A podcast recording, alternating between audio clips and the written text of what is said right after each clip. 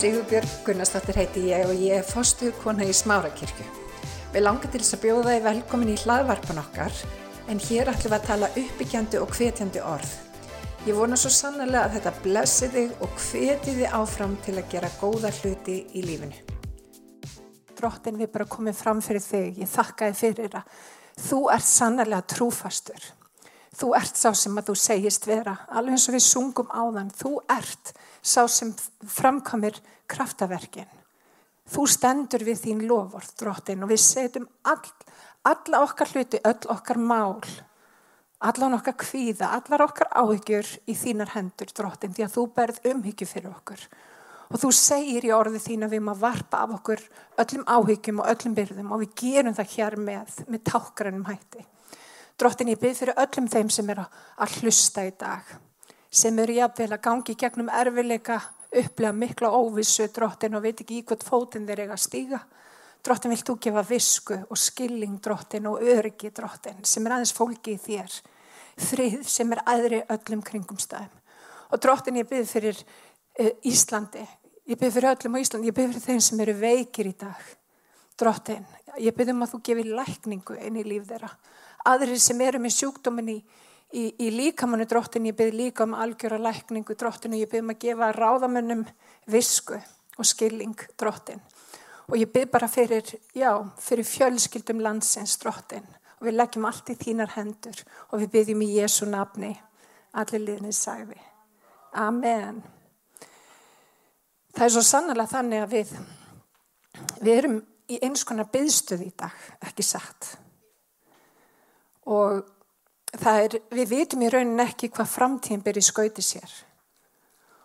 Og ég hugsa við sem að horfa að breyta heimsmynd. Ég held að það sé gríðarlega margt sem að mun breytast eftir þessa kringustæð sem við erum að gangi í gegnum núna.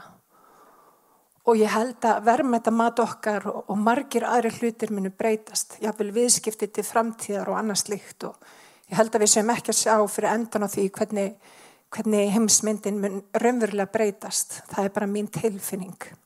Við erum að horfa að breyta heimsmynd. En það er svo gott að vita því á sama tíma og við erum að standa jafnvel í, í ákveðnum harmleik með þessa veiru að vita því að Jésús gerði mitt kraftaverk þegar mannlegur harmleikur var annars verð.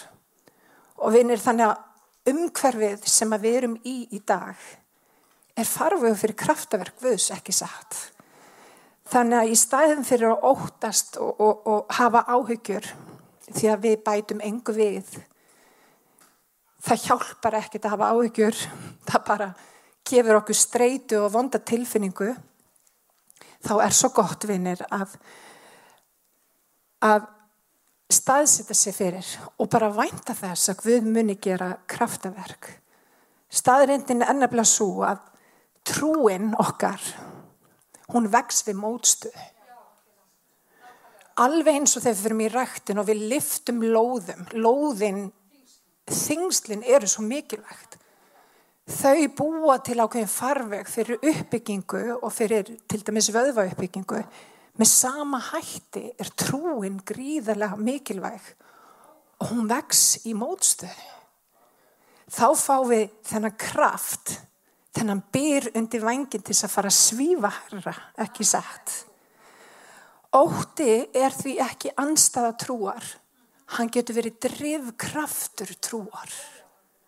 Þannig að mér langar til þess að minnast að það í dag, ef að þú ert óttaslegin, þá getur þetta verið ákveðin drivkraftur fyrir þig að trúa.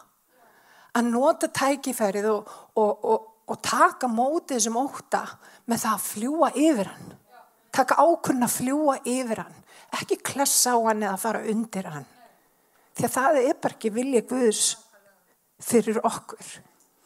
Og það er eitt, eitt rítningastæð sem hefur virkilega hjálpað mér þegar ég er að gangi gegnum erfileika og það er í Róm 8 28 og það er svona það segir svona við vitum að þeim sem Guð elska samverkar allt í góðs Finnst ykkur það ekki frábært?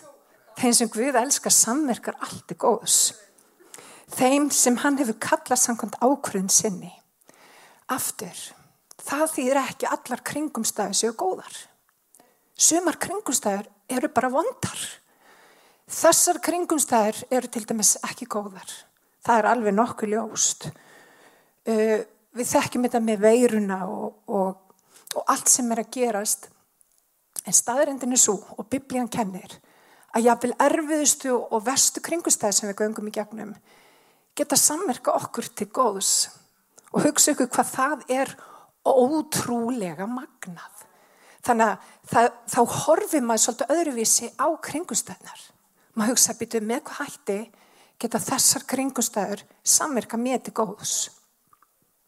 Og í Jósobók að þá er talað um líðguð sem að var í ekkert ósvipari stöðu og við erum í í dag.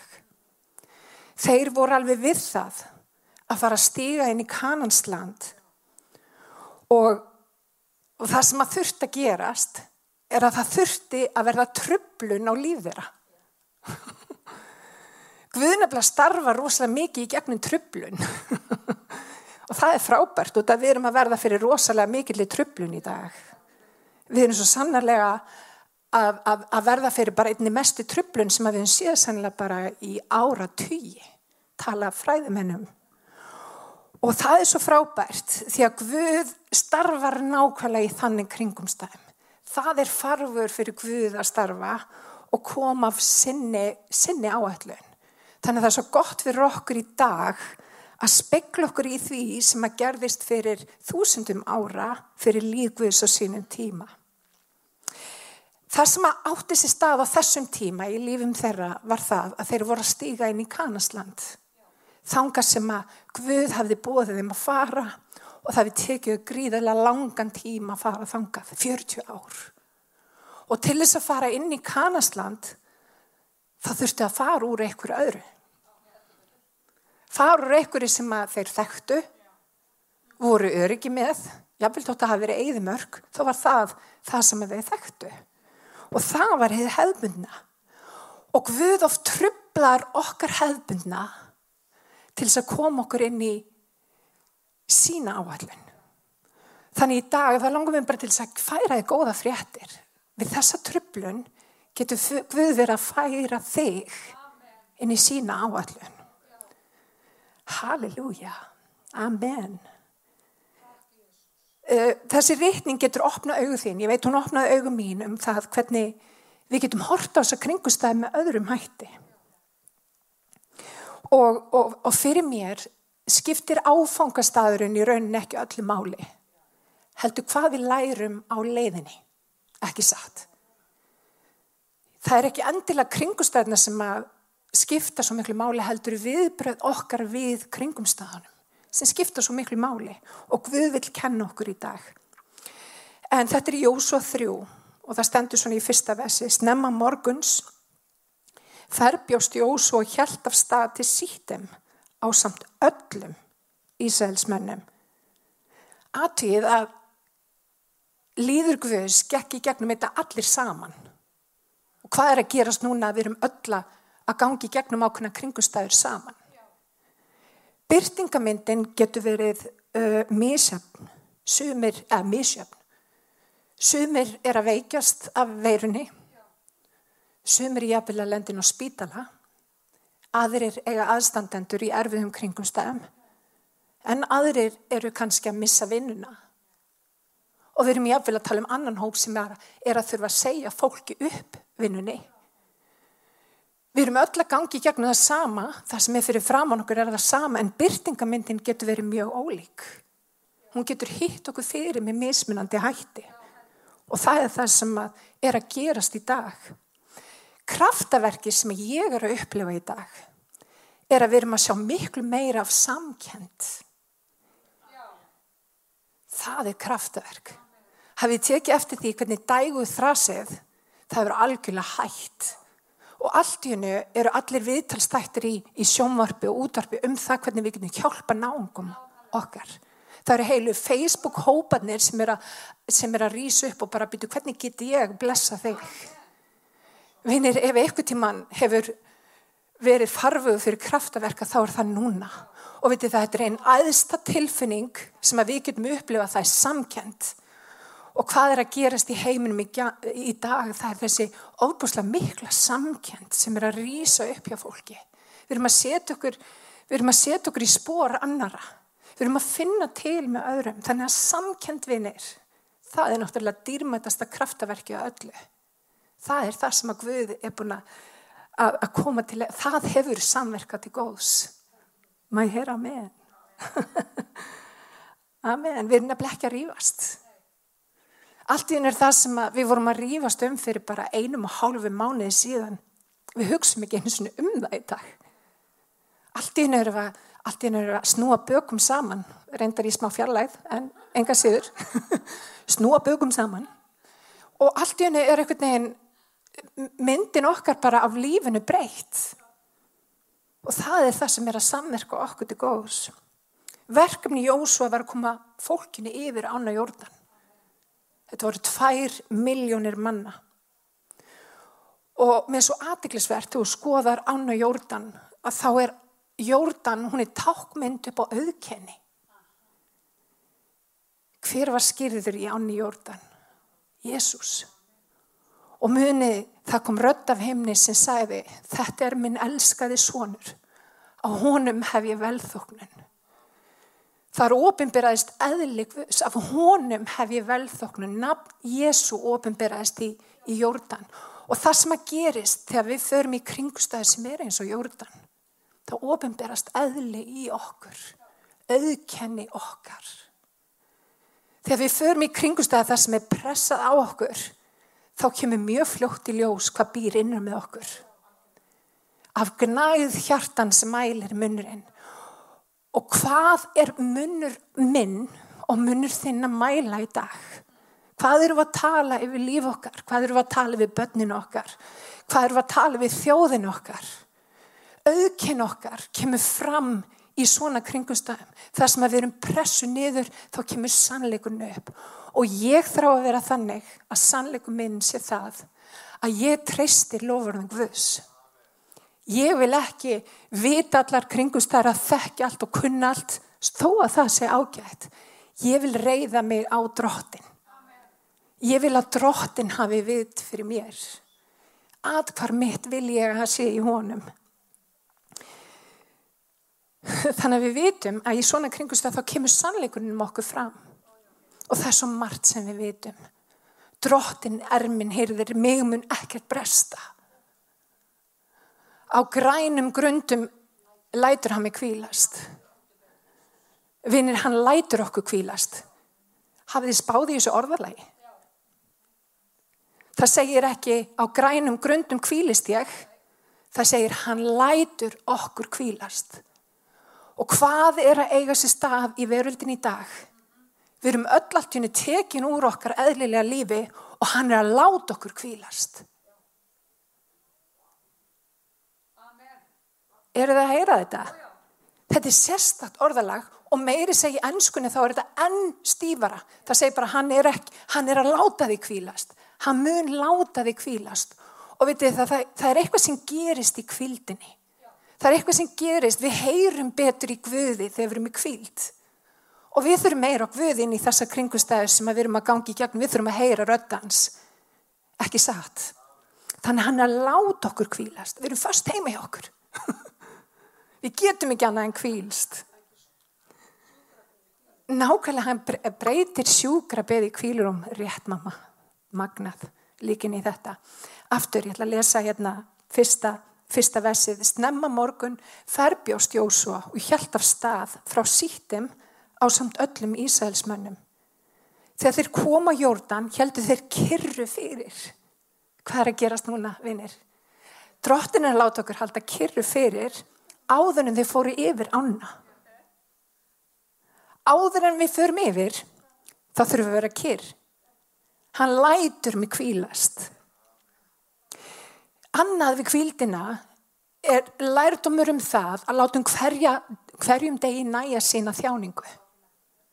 Við erum svo ofta að reyna að tefla ykkur að leiki fram í tíman, hugsa langar leiki fram í tíman, en í krísu þá skiptir svo miklu mála að beðja Guð um visku fyrir daginn í dag. Uh, það er ekki sniðut að gera langtíma áætlanir þegar þið líður ekki vel. Heldur er mikilvægt í krísu að við látum hverjum degi næja sinni þjánung og við byggjum fyrir visku fyrir daginn í dag. Hann segi, halleluja, amen. Gef oss í dag vort daglega brauð. Gef oss í dag vort daglega brauð. Það kennur okkur að við eigum að hafa brauð fyrir daginn í dag, kvildina að vera í dag, við eigum að bara hugsa um daginn í dag, gef oss í dag vort daglega brauð. Hann lætu mig kvílast. Það er svo mikilvægt vinni þegar við kvílumst að við séum ekki að eigða orku í bardaga morgundagsins. Alveg eins og með Ísælsmennar þegar við gengum eigðimörkunni, við munum þetta með mannað. Það döði bara fyrir hvern einasta dag. Og ef þeir voru að hugsa og ætluði einhvern veginn að reyna að svindla á þessu og taka meira til þess að eiga fyrir morgundaginn, hvað gerðist fyrir mannað? Það skemmtist. Það virkaði ekki. Og það hefur svo mikið með það að segja, vinnir, að við séum ekki með einhvern ótt og kvíða og fyrirbúna fyrir einhverju sem gerist á morgun því að við erum í drottin sendi. Við erum í drottin sendi og hann er ekki búin að missa tökinn á þessum aðstæðin frekar en okkur öðru. En áður en þið fór yfir, þá þurftu þau að kvílast.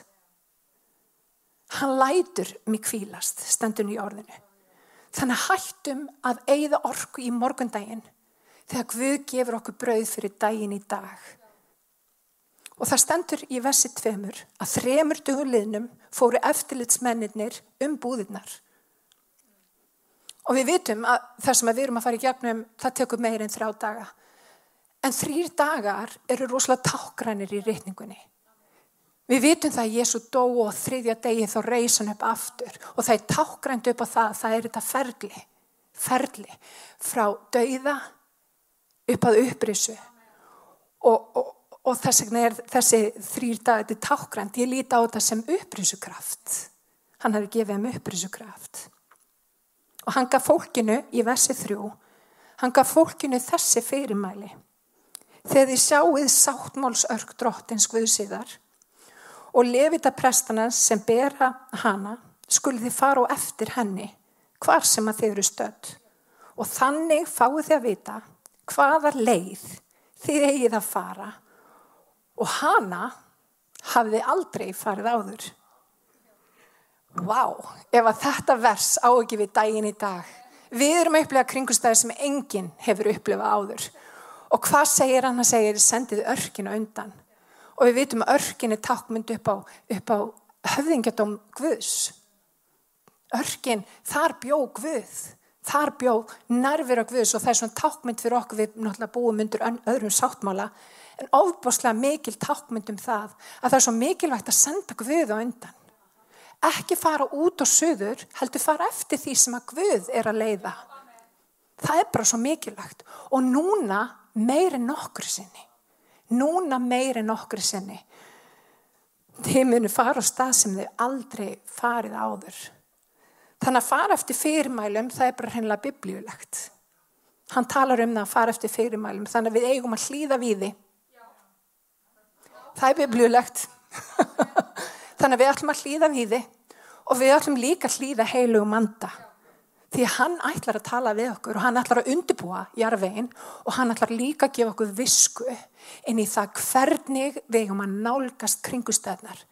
Hvernig við séum förum yfir Anna Jórdan ekki satt. Því að ég ætla ekki að fara yfir Anna Jórdan í mínum eigin styrk. Ég ætla að fara í Guðstyrk og ég hveti til að gera það sama. Halleluja, þeir myndi fara á stað það sem þeir aldrei farið áður. En til að fara þarftu fyrst að stoppa. Og þar er það sem að Guð er að gera, í dag. Hann er að gefa okkur daglegt brauð. Hann er að gefa okkur tækifæri til þess að nálast hann.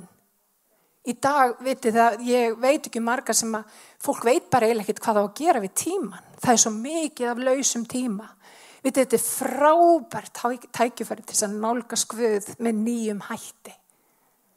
Allt þetta þið vitið, allt sem er í kringum okkur sem er að trubla okkur dagstæli á og þetta, við erum stundum eins og hamstur og hjóli, það hefur allt í henni verið bara tekið allt frá okkur og nú hefur við nægan tíma.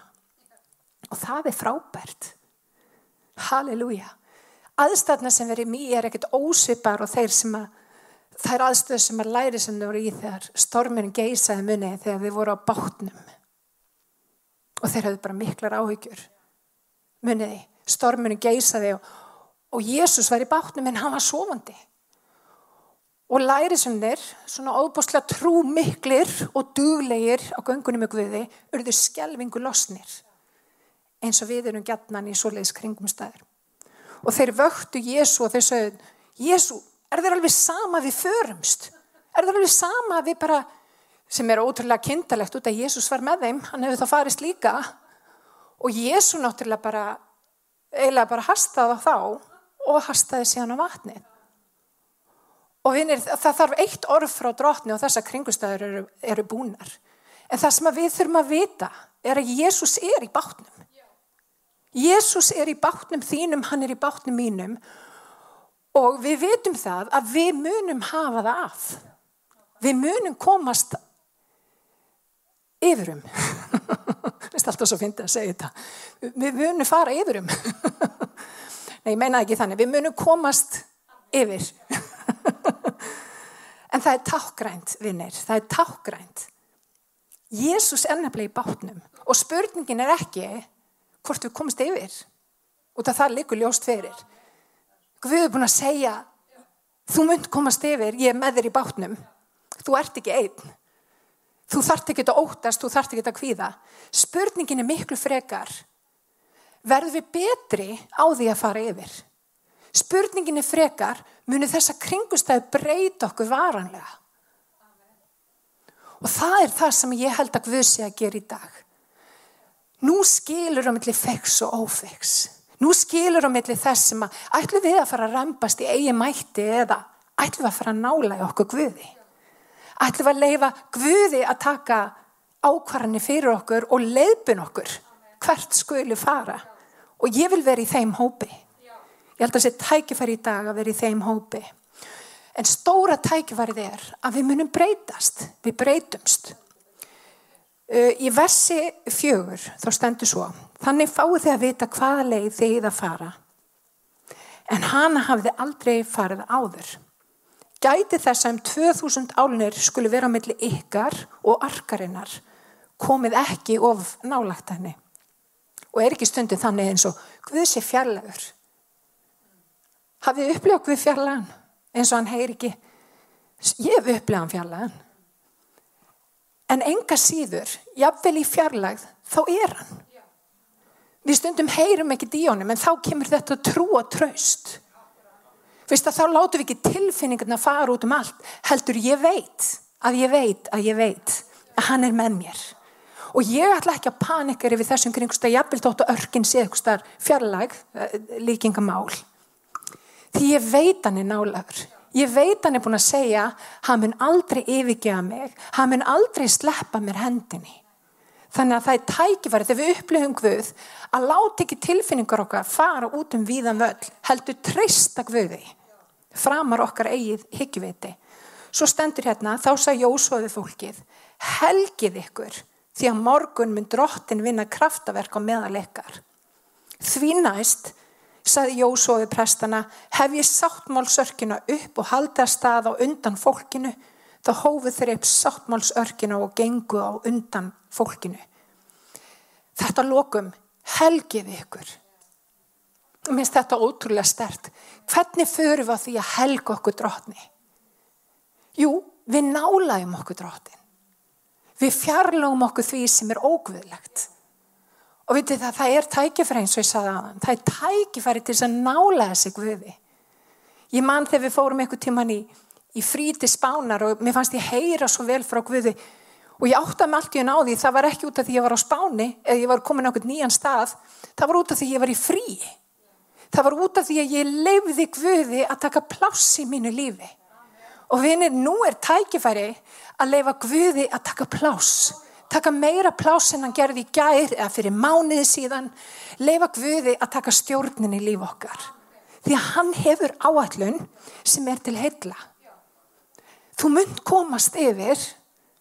Þú mynd þú mynd alveg yfir blífa spurningin er bara með hvað hætti myndi gera Og ég vil að þessa kringustæðir verði betrun fyrir mig.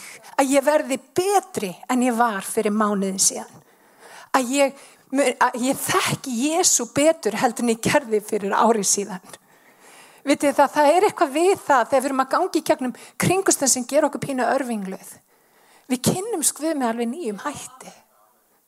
Og það er það sem er svo óbúslega frábært. Við kynnum skvið með nýjum hætti og leifum okkur að kynna skvið með nýjum hætti. Þannig að nálægum okkur skviði og helgum okkur. Tökum hluti sem eru búin að vera tröfl okkur á göngunni. Það sem er bara að valda okkur vanlíðan og, og er ekki góðir fyrir okkur. Byggjum við um að taka það burt frá okkur og vöndum okkur í lífinu. Nú er tækifæri til að vanda sig eiga uppbyggjandi samtal við fjölskyldu sínar, breyta um skoðun og ymsum málum, búa til betri vennjur. Við getum öll sem fjölskylda nálgast við með, með nýjum hætti. Í þessu eru bara tækifæri. Halleluja. Og að lokum allan uppskjöru tíman flæði jórdan yfir bakka sína. Þegar þeir sem báru örkina komið að jórdan og prestarnir drápi fæti í fljóti stöðvaðist vatnið. Guð var nefnilega búin að gefa visku. Þeir vissu hvert þeir átt að fara, þeir vissu hvernig þeir átt að fara þángað. Og það sem að gerist er það að það er óvægt fljót fyrir framann á. Og vinir, það er óvægt fljót fyrir framann okkur ef þið hafi ekki tekið eftir. En það er ekkit Guðið megn. Og það sem að gerist er það að þeir fá ráð, visku frá Guði. Levitarnir sem eru prestarnir Þeir tóku örkina sem er mynd upp á höfðíkjadum drottins og þeir gengu í þetta óvætta fljót og hvað gerist? Það þurkast upp. Tákgrænt fyrir okkur í dag. Treystum okkur og höfðíkjandum Guðs og það sem að líðurinn gerði sem er líka óbúslega mikið leikiladri það gekk undir örkina. Allar leið á þurrum fótum inn í landið sem hann hafi lofað þeim. Og vinnir, það að ganga undir höfðíkjadóm Guðs hefur með auðmygt að gera auðmygt fyrir Guði aðurleysi líka tengist í, alveg klálega aðurleysi virka þannig að við treystum að Guð muni vel fyrir sjá ekki satt. Við treystum því að hann er með allt vald á himna og jörðu. Við treystum því að hann muni vel fyrir sjá. Þannig í dag í staðin fyrir að barma okkur í staðin fyrir að að vera í ykkur volaði, próma þrengjökuna er Guði. Prófum að lifta upp nafni Jésús yfir kringustæðinar og sjáum hvernig hann gefur okkur visku til þess að höndla kringustæðinar og beigja okkur undir hans völdugu hönd því eins og reytingin gennir þeir sem að beigja sig undir völdu, hans völdugu hönd muni upplift verða þannig að drottin bless ykkur í dag og, og gef ykkur velvild í Jésu nafni